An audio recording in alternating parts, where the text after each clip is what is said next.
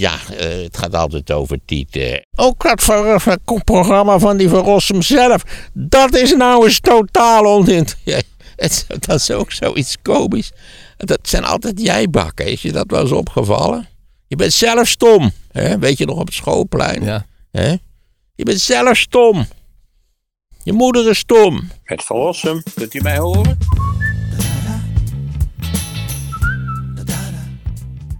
Nou, veel op het programma vandaag in deze aflevering. Eh, we gaan het hebben over Zelensky, die in eh, Europa was, in Brussel zelfs. Wat betekent zijn bezoek nou voor het vervolg van die oorlog in Oekraïne? Dat gaan we straks bespreken. Eh, we moeten het eventjes hebben over Vandaag in Site. En René van der Gijp, de ja, voortslepende ruzie, kun je zeggen, Maarten, tussen jou en hem. En je hebt nu ook de kijkers van VI beledigd en weggezet als domoren. Eh, en er zijn ook heel veel kijkers van eh, dat programma die naar deze podcast luisteren. Die waren daar toch niet zo happy mee. Dus daar moeten we het even over hebben.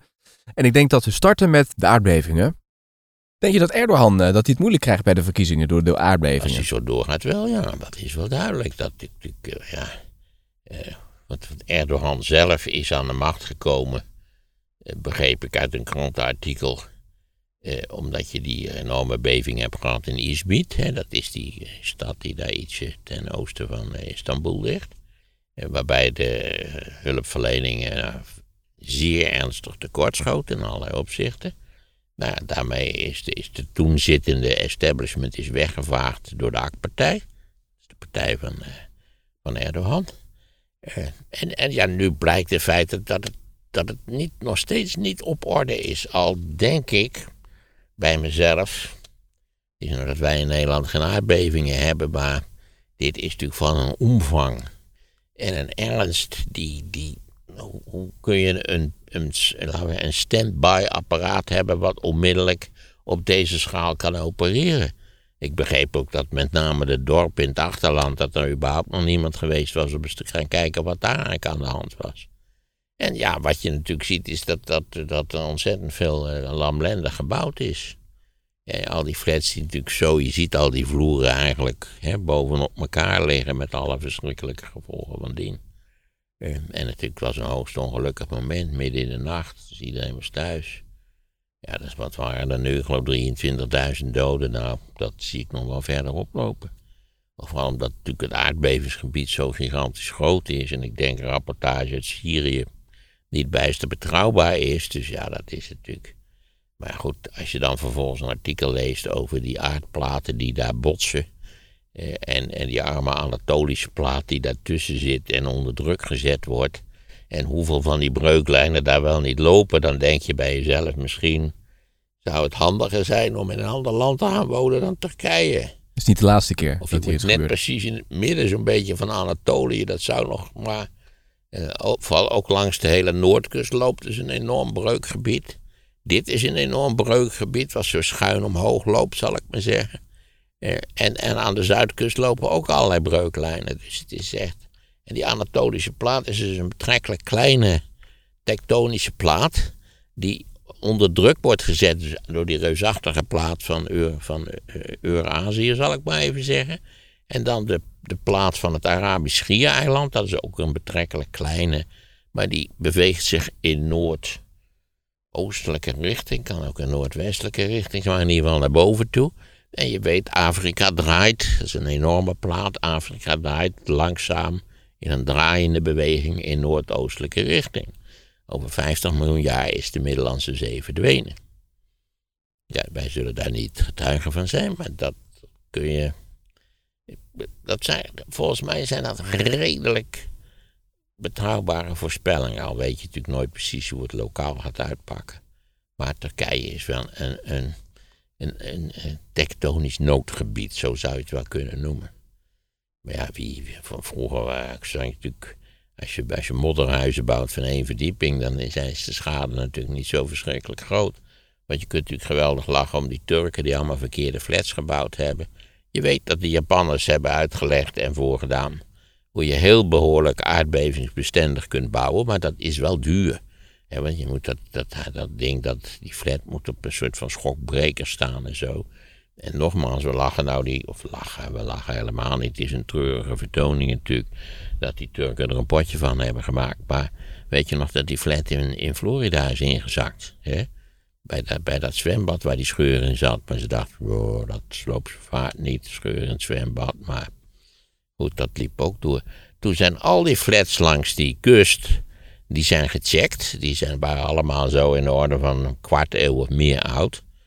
Nou, ik weet niet hoe dat er nu mee staat, maar ik herinner mij het stuk uit de New York Times. Dat de gebreken van die flats, die waren omvangrijk. Ook daar was niet serieus gebouwd op, op aard. Dat ging trouwens niet om aardbevingen. Dat ging dit, in dit geval was het gewoon een heel slechte fundering. Een beetje goedkoop, vlug, vlug, vlug, vlug. Appartementjes verkopen enzovoort. Heeft Erdogan zich eigenlijk laten zien al? Ja, dat wel. Hij is het gebied Alles was in orde. En met name hij zei, alles was in orde. Tenminste, dat stond eronder dan. Ik spreek geen Turks. En dan zag je daarachter een gigantische chaos werkelijk. Dat je denkt, dat beter op een iets ander punt had hij kunnen zeggen, alles is in orde. Doet een beetje denken aan die perswoordvoerder in was, hij Irak. was daar verschenen. Dat las ik ook weer. Met een enorme stoet van SUV's, zoals dat tegenwoordig onder eh, leidende politici te doen gebruikelijk is. Eh, waarmee de wegblok urenlang geblokkeerd was. En daar was op de sociale media natuurlijk weer veel kritiek op.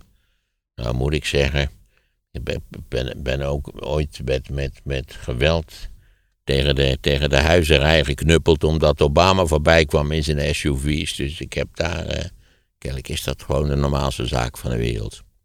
Hij had ook geld beloofd, hè, volgens mij 10.000 of 15.000 lira. Ja, dat, heeft natuurlijk allemaal. eh, Maar daar zaten mensen niet op te wachten. is dat natuurlijk volkomen betekenisloos. En dat was heel, een heel laag Voordat bedrag. je deze, want je die lucht, hebben die luchtfoto's gezien. Mhm, Ja, het, is, het is verschrikkelijk natuurlijk. Ja. Dus ja, en dat moet dan allemaal herbouwd worden. In principe moet je het dan gaan herbouwen. Dat gaat dus een enorme kosten met zich meebrengen. Wat overigens, ja, wat ik helemaal niet wist, het was allemaal bar grote steden. Hè. Die ene stad met die, die met een A begint en verder onuitsprekelijk is. 1,3 miljoen inwoners. En ook een relatief welvarende steden, want je ziet overal auto's staan en, en, en relatief goed uitziende gebouwen. Het is, het is niet dat je de indruk hebt van dit is de derde wereld, absoluut niet. Maar je krijgt nu een soort van massagraven, hè, waar die mensen ook be, eh, Ja, je worden. zag dat ze daarmee bezig waren. Ja. 23.000 doden. Nou volgens mij zou me niet verbazen als ze de 30.000 gaan halen. Mhm. En los van het menselijk leed, als je het politiek maakt, denk je dat dit eh, Erdogan de kop kost?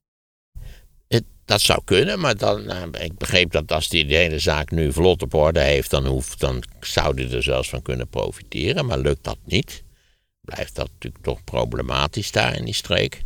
Ja, dan eh, gaven ze hem weinig kansen om. Je weet dat ik het. eh, als dit nou de reden is waar, waarom er Erdogan opdondert, dan zou ik zeggen. eh, is dat heel treurig, maar.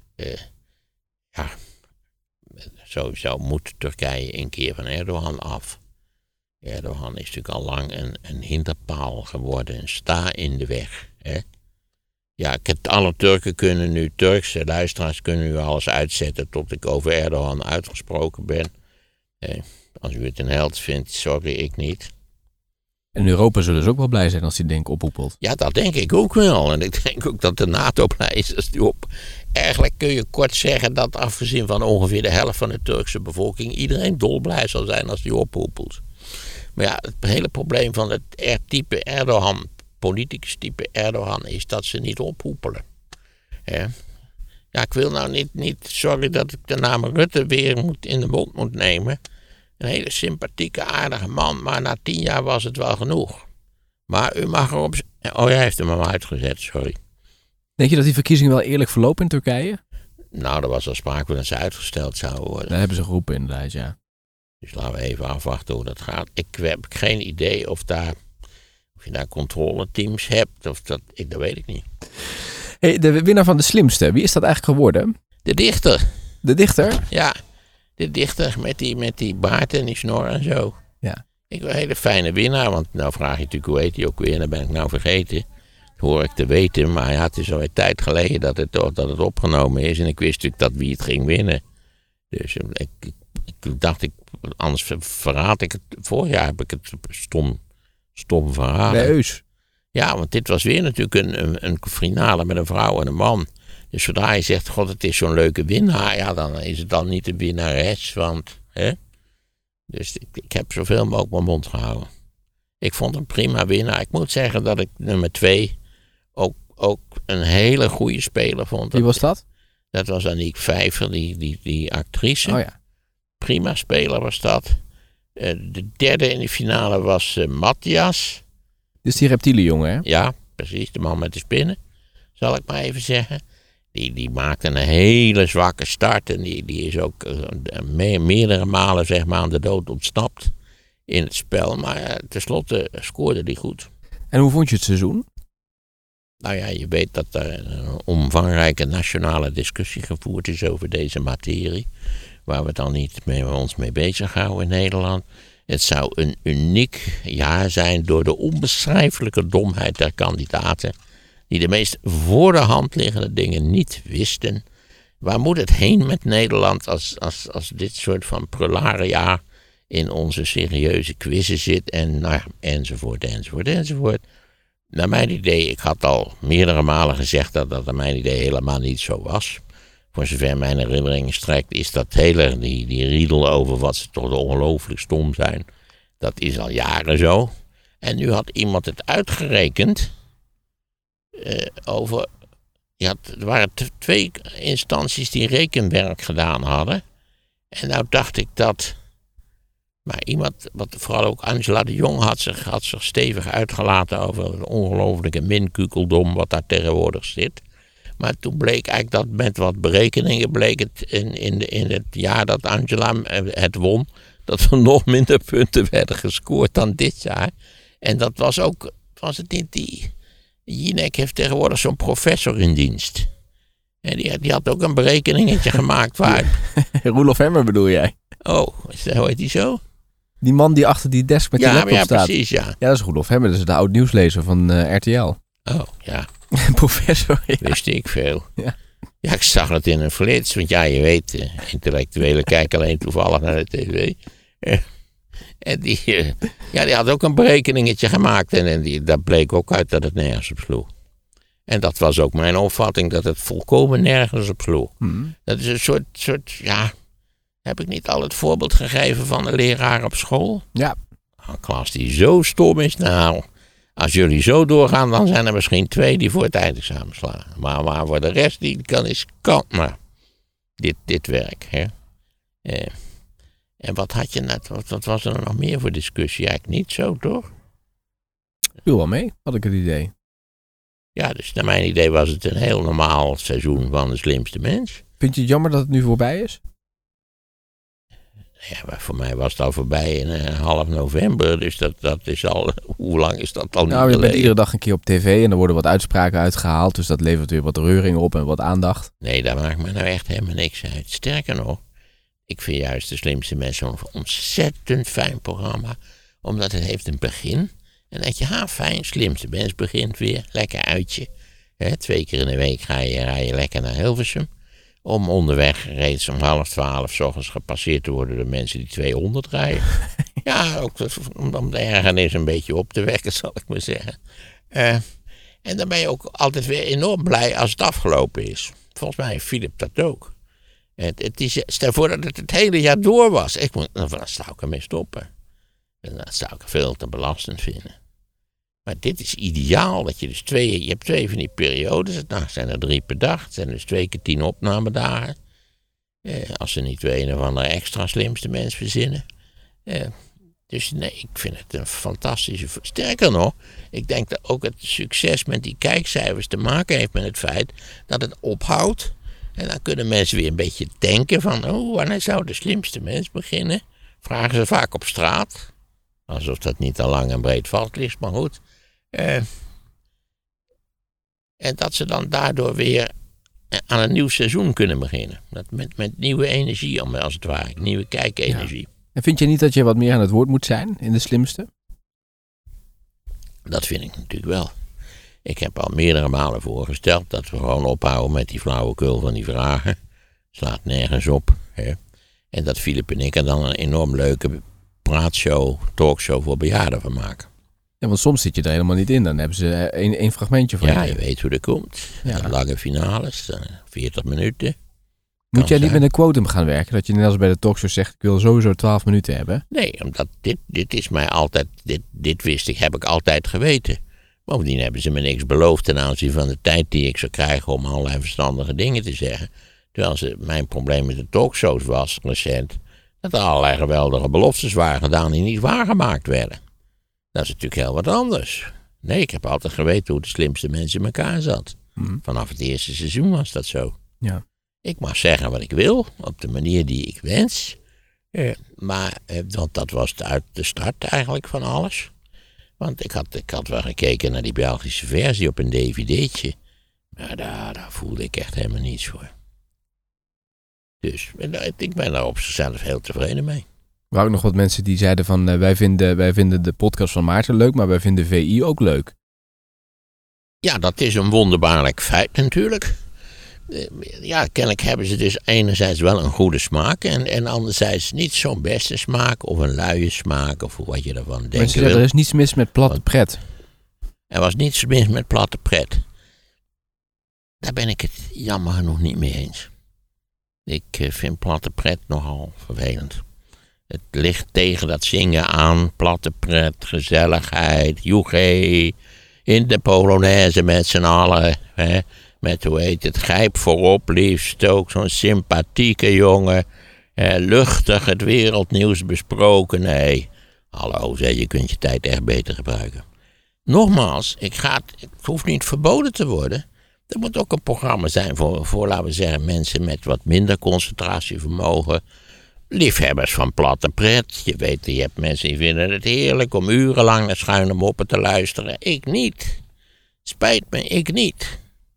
Ja, Maar mensen voelden zich aangesproken omdat je ze als domhoor een beetje wegzette. Precies, en dat ze dat- toch dat- VI leuk vinden. ja, je begrijpt dat ik dat natuurlijk wel weer lollig vond. Dat ze juist daardoor zich aangesproken voelden.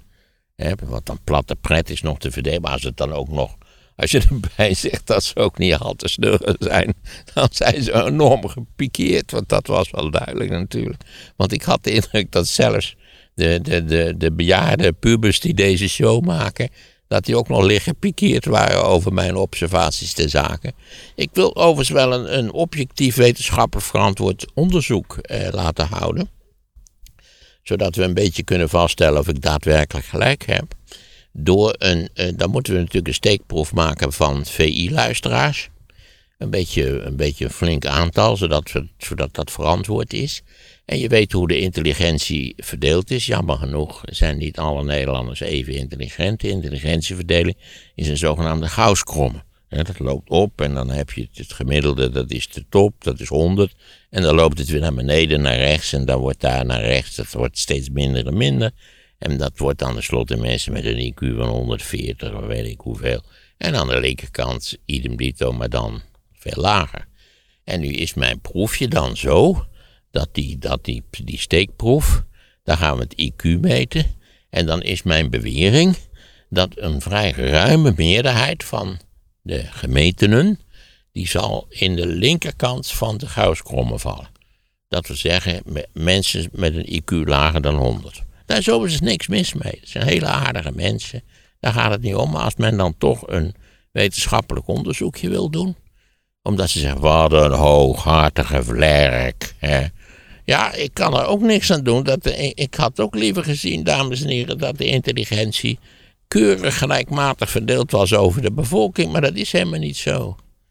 Ik, ja, ik, ik moet je zeggen dat ik, ik. Ik heb het al miljoen keer verteld, volgens mij.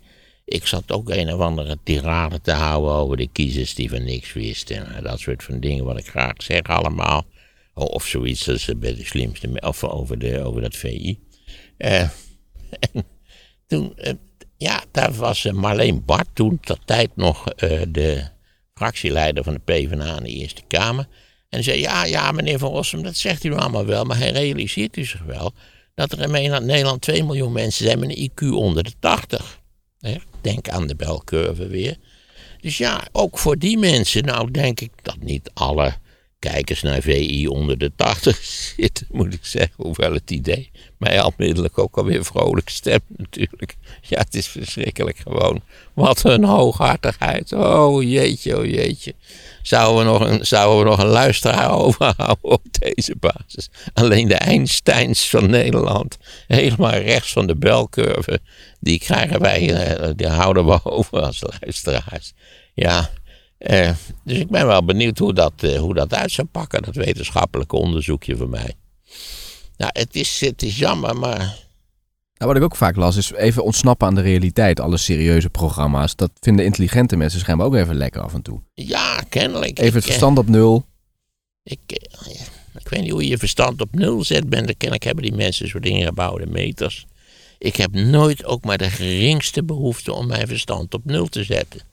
Daar komen natuurlijk de grootste ongelukken van als je je verstand op nul zet. Nee, maar dat je eventjes bijvoorbeeld de dagelijkse de sleur kunt vergeten. Dat je even oh, naar de zo'n programma dagelijkse sleur. Ik ben gek op sleur. Ik ben gek op routine. Ik vind het heerlijk als elke dag zo'n beetje hetzelfde verloopt. Je weet dat je hoeft maar tien minuten te laten komen en dan begin ik al onrustig te worden. En denk, oh, hij is vergeten, wat is dat nou? Eh, Weg ermee. Ja. Dus nee, ik, ik begrijp daar niets van. Ik geef toe, ooit, ik heb het ook wel eens verteld trouwens, zei mijn vader tegen mij, ik weet niet, was toen denk ik een jaar of 14, 15. Zo'n beetje het moment dat jongens onder elkaar schuine moppen gaan vertellen. Die ze dan ontzettend leuk vinden. Echt. Zo rollen over de grond van het lachen. Ik niet overigens. Meestal begreep ik ze namelijk niet. Eh, maar mijn vader zei: mannen die schuine moppen vertellen, deugen niet. Ik heb me daar altijd aan gehouden.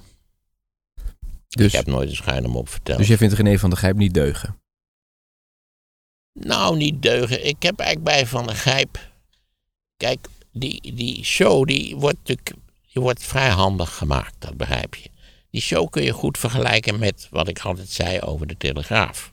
Daar staan allerlei enorm stomzinnige dingen in. En vooral de eerste, de, voorpagina, dat is van een diepe treurigheid door de jaren heen gemeten, zal ik maar zeggen.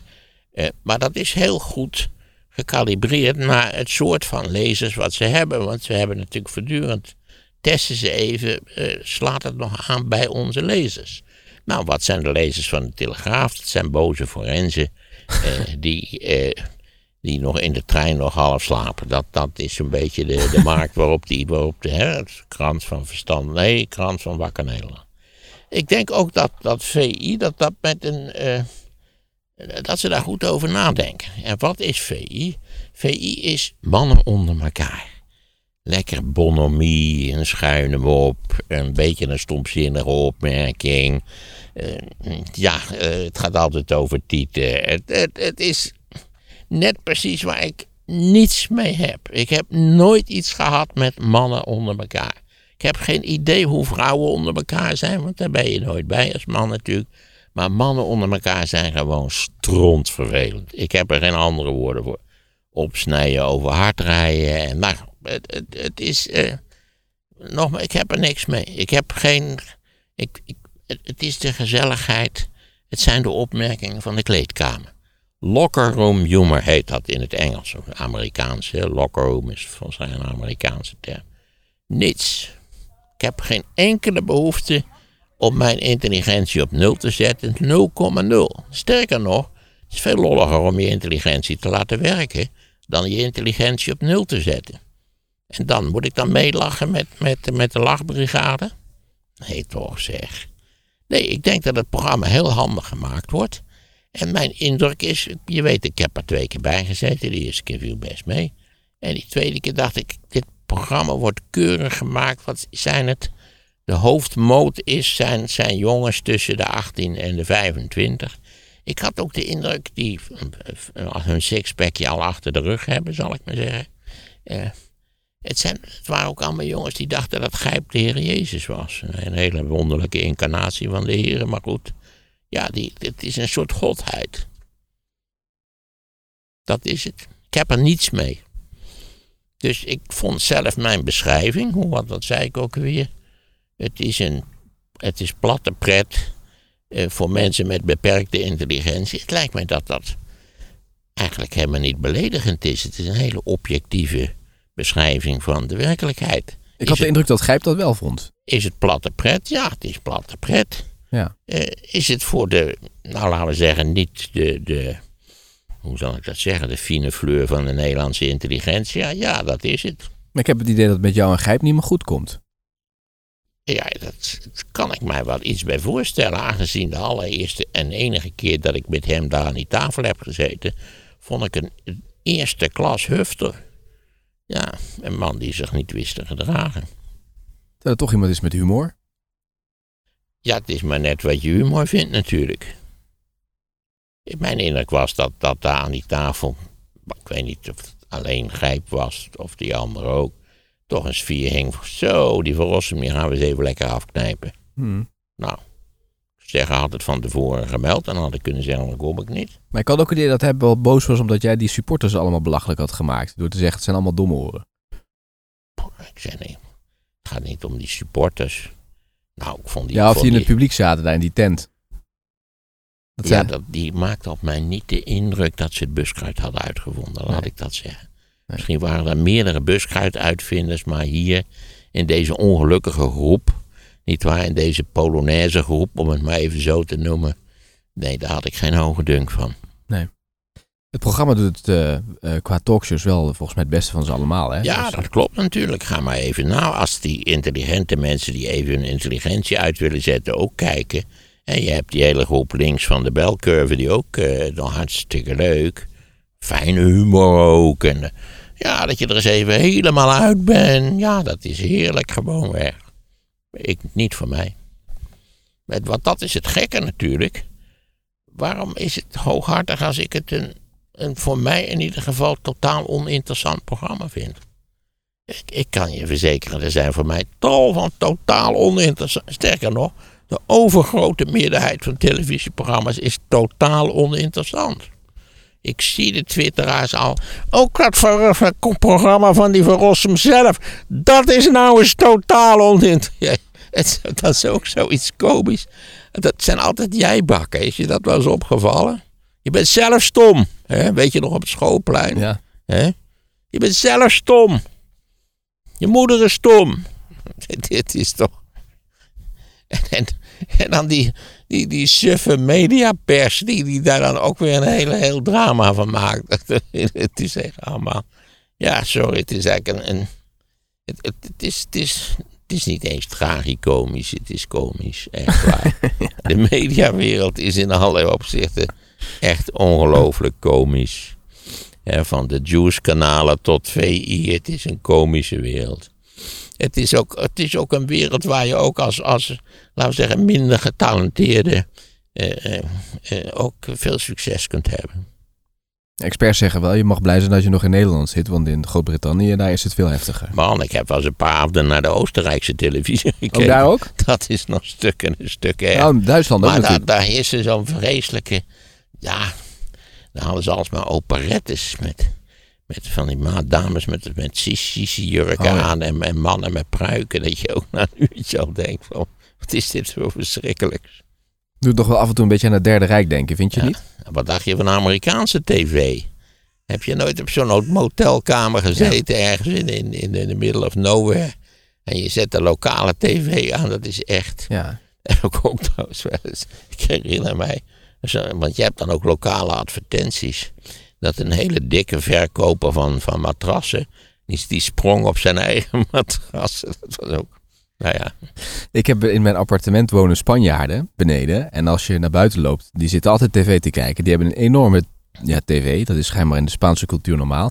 Dat zijn altijd van die series alsof ze in de jaren negentig is opgenomen nog. waarschijnlijk is het in de jaren negentig Ja. opgenomen. Ja. Dat zou, dat, Hey, Zelensky in ehm, eh, Brussel. ja, het was, Was het in Brussel indrukwekkend. Ja, Was het in Brussel dat hij was? ja. Ja.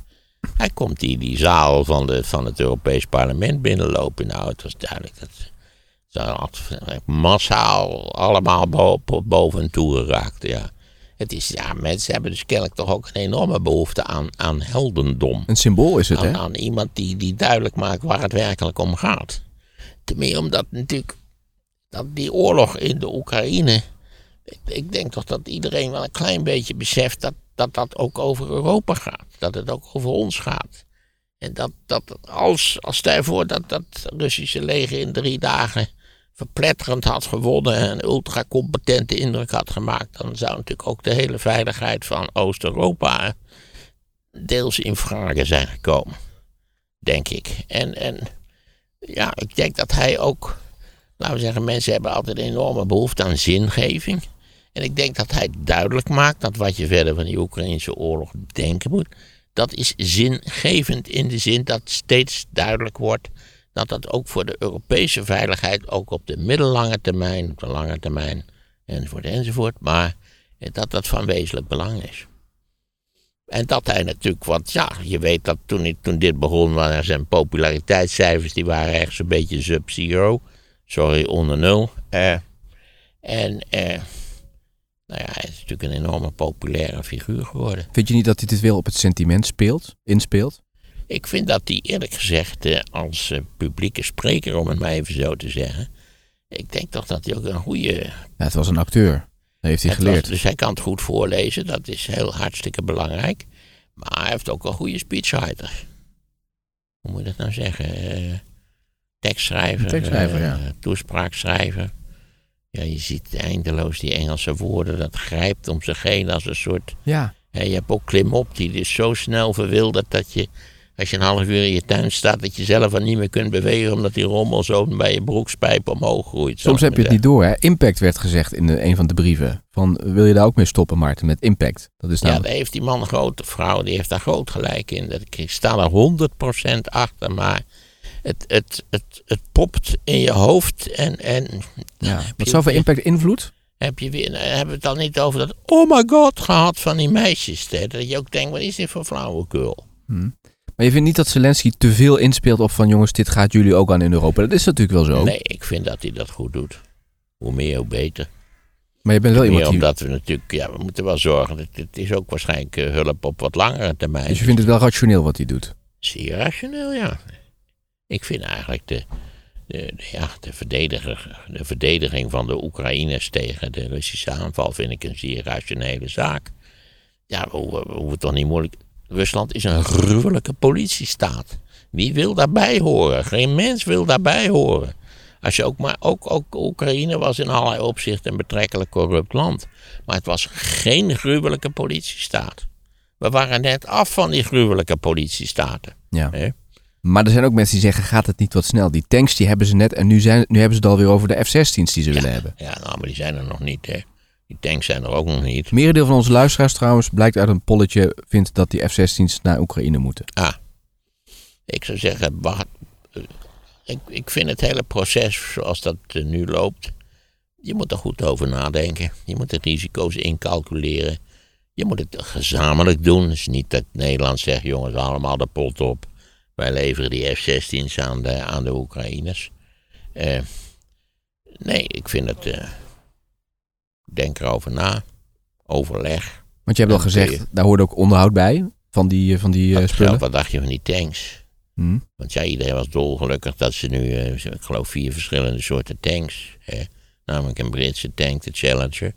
eh, een Duitse tank, nou een Leopard 1 en 2. Dat zijn al, daar zijn er vrij grote verschillen tussen. Dan moet die Abrams tanks, die moet, die moet nog gebruikt worden. Eh, die, heeft, eh, die stelt totaal andere logistieke eisen dan die andere tanks. Dus ik vind dat, het lijkt mij veel verstandiger om gewoon al die Europese Leopards in te zetten. Wanneer krijgen ze die tanks eigenlijk? Wanneer rollen die echt Oekraïne binnen? Nou, dat kan nog wel even duren. Ze moeten, ze, zijn- ze moeten ook oefenen om die tanks goed te gebruiken. Een tank, een tank is nogal wat, en zeker ook die Leopard 2, dat is nogal wat. Ja, misschien moeten de mensen eens gaan kijken. Er staat er een in, in hoe heet het?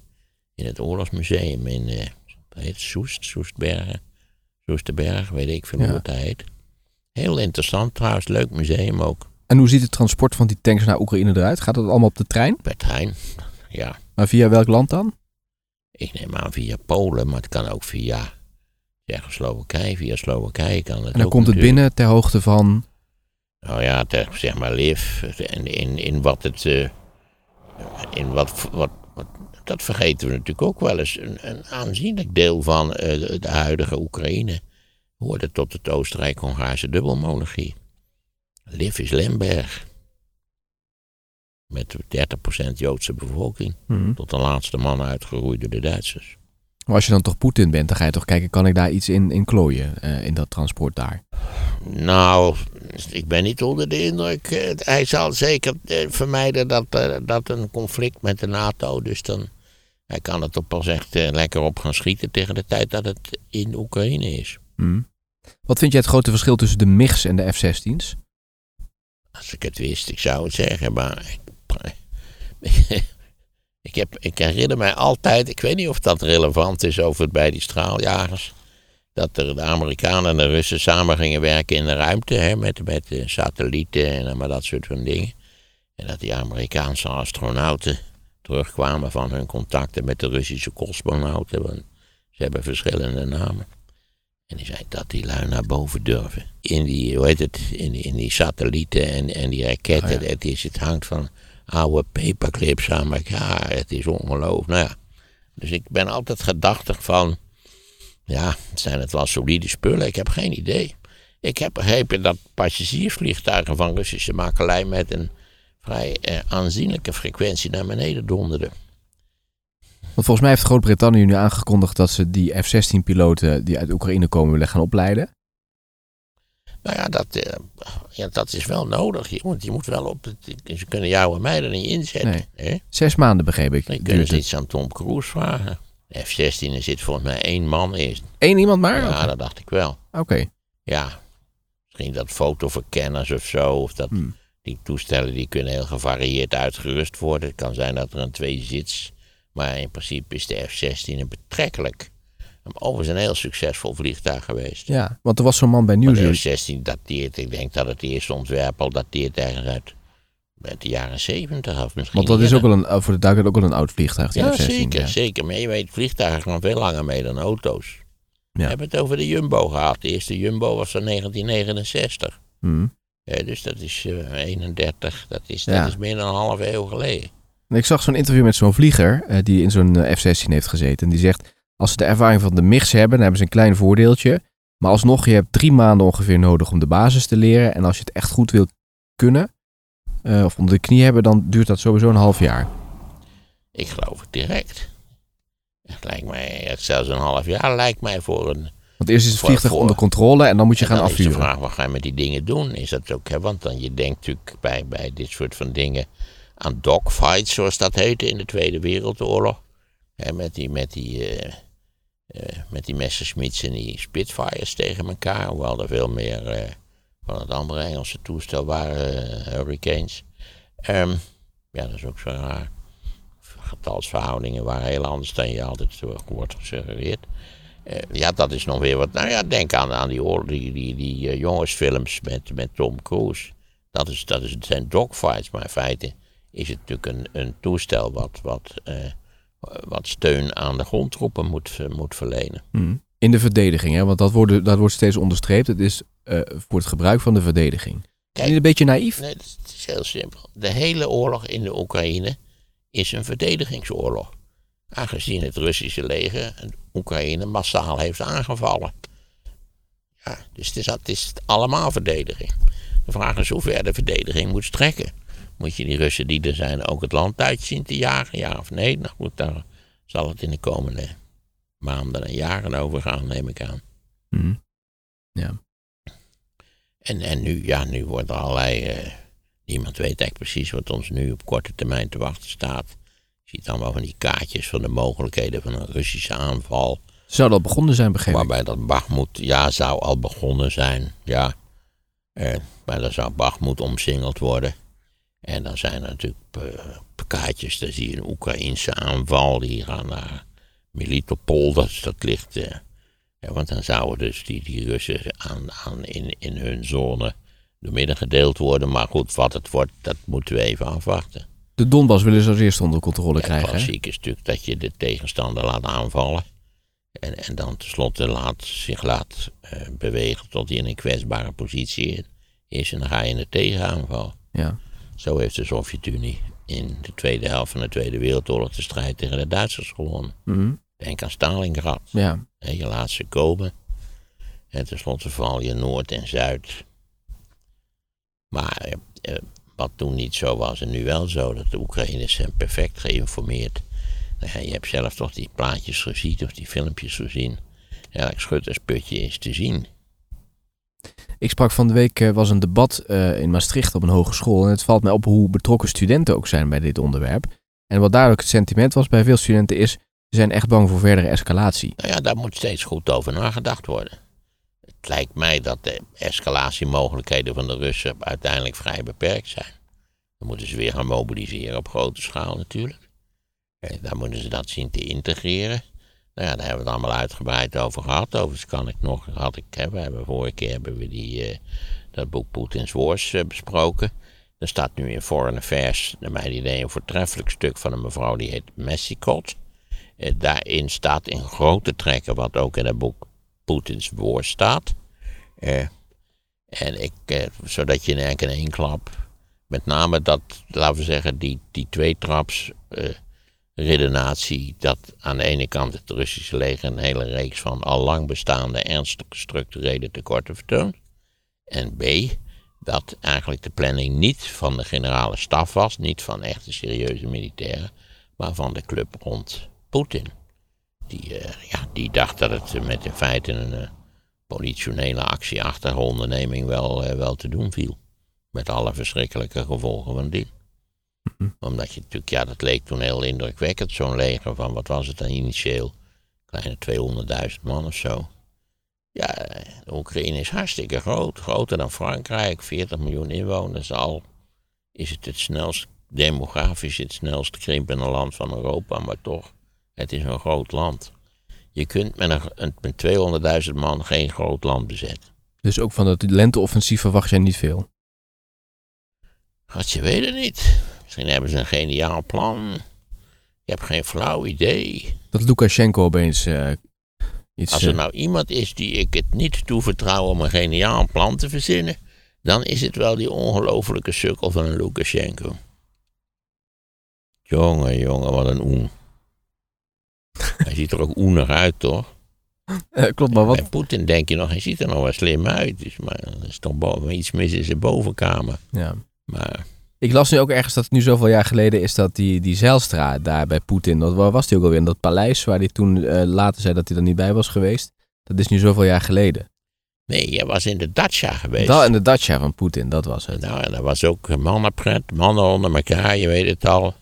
Jongen, wat een gezelligheid. En toen was hem ook al gebleken dat Poetin grootse ambities had en dat we enorm op onze hoede zouden moeten zijn.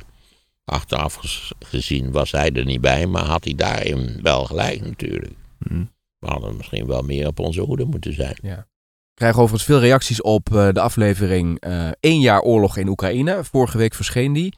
Aan de hand van het boek Putin's Wars, Maarten, bespreek jij het afgelopen jaar. Mocht je die aflevering nog niet gehoord hebben, check eventjes uh, de show notes. Die vind je hier onder de podcast. Even naar beneden scrollen en dan kun je hem nog een keer terugluisteren. En dan vind je overigens ook de link naar onze nieuwsbrief. Eh, de moeite waard om je daarop te abonneren voor eh, als je meer wil weten over deze podcast.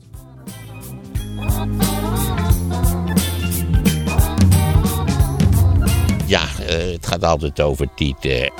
Ik heb laatst gelezen wat, wat de Apple eraan verdient en wat de Chinezen eraan verdienen. En dan moet je toch ook als Chinees denken, we doen iets fout. Dit moet op korte termijn moet dit veranderd worden, want dit is een hele onrechtvaardige zaak. En dat is het ook in allerlei opzichten. Maarten over de geschiedenis van China. Wat zich voltrekt in China en India en andere Aziatische landen is niet meer dan een onderdeel van datzelfde enorme proces wat ooit begonnen is tussen 1690 en 1750. Download het luisterboek via de link in de show notes.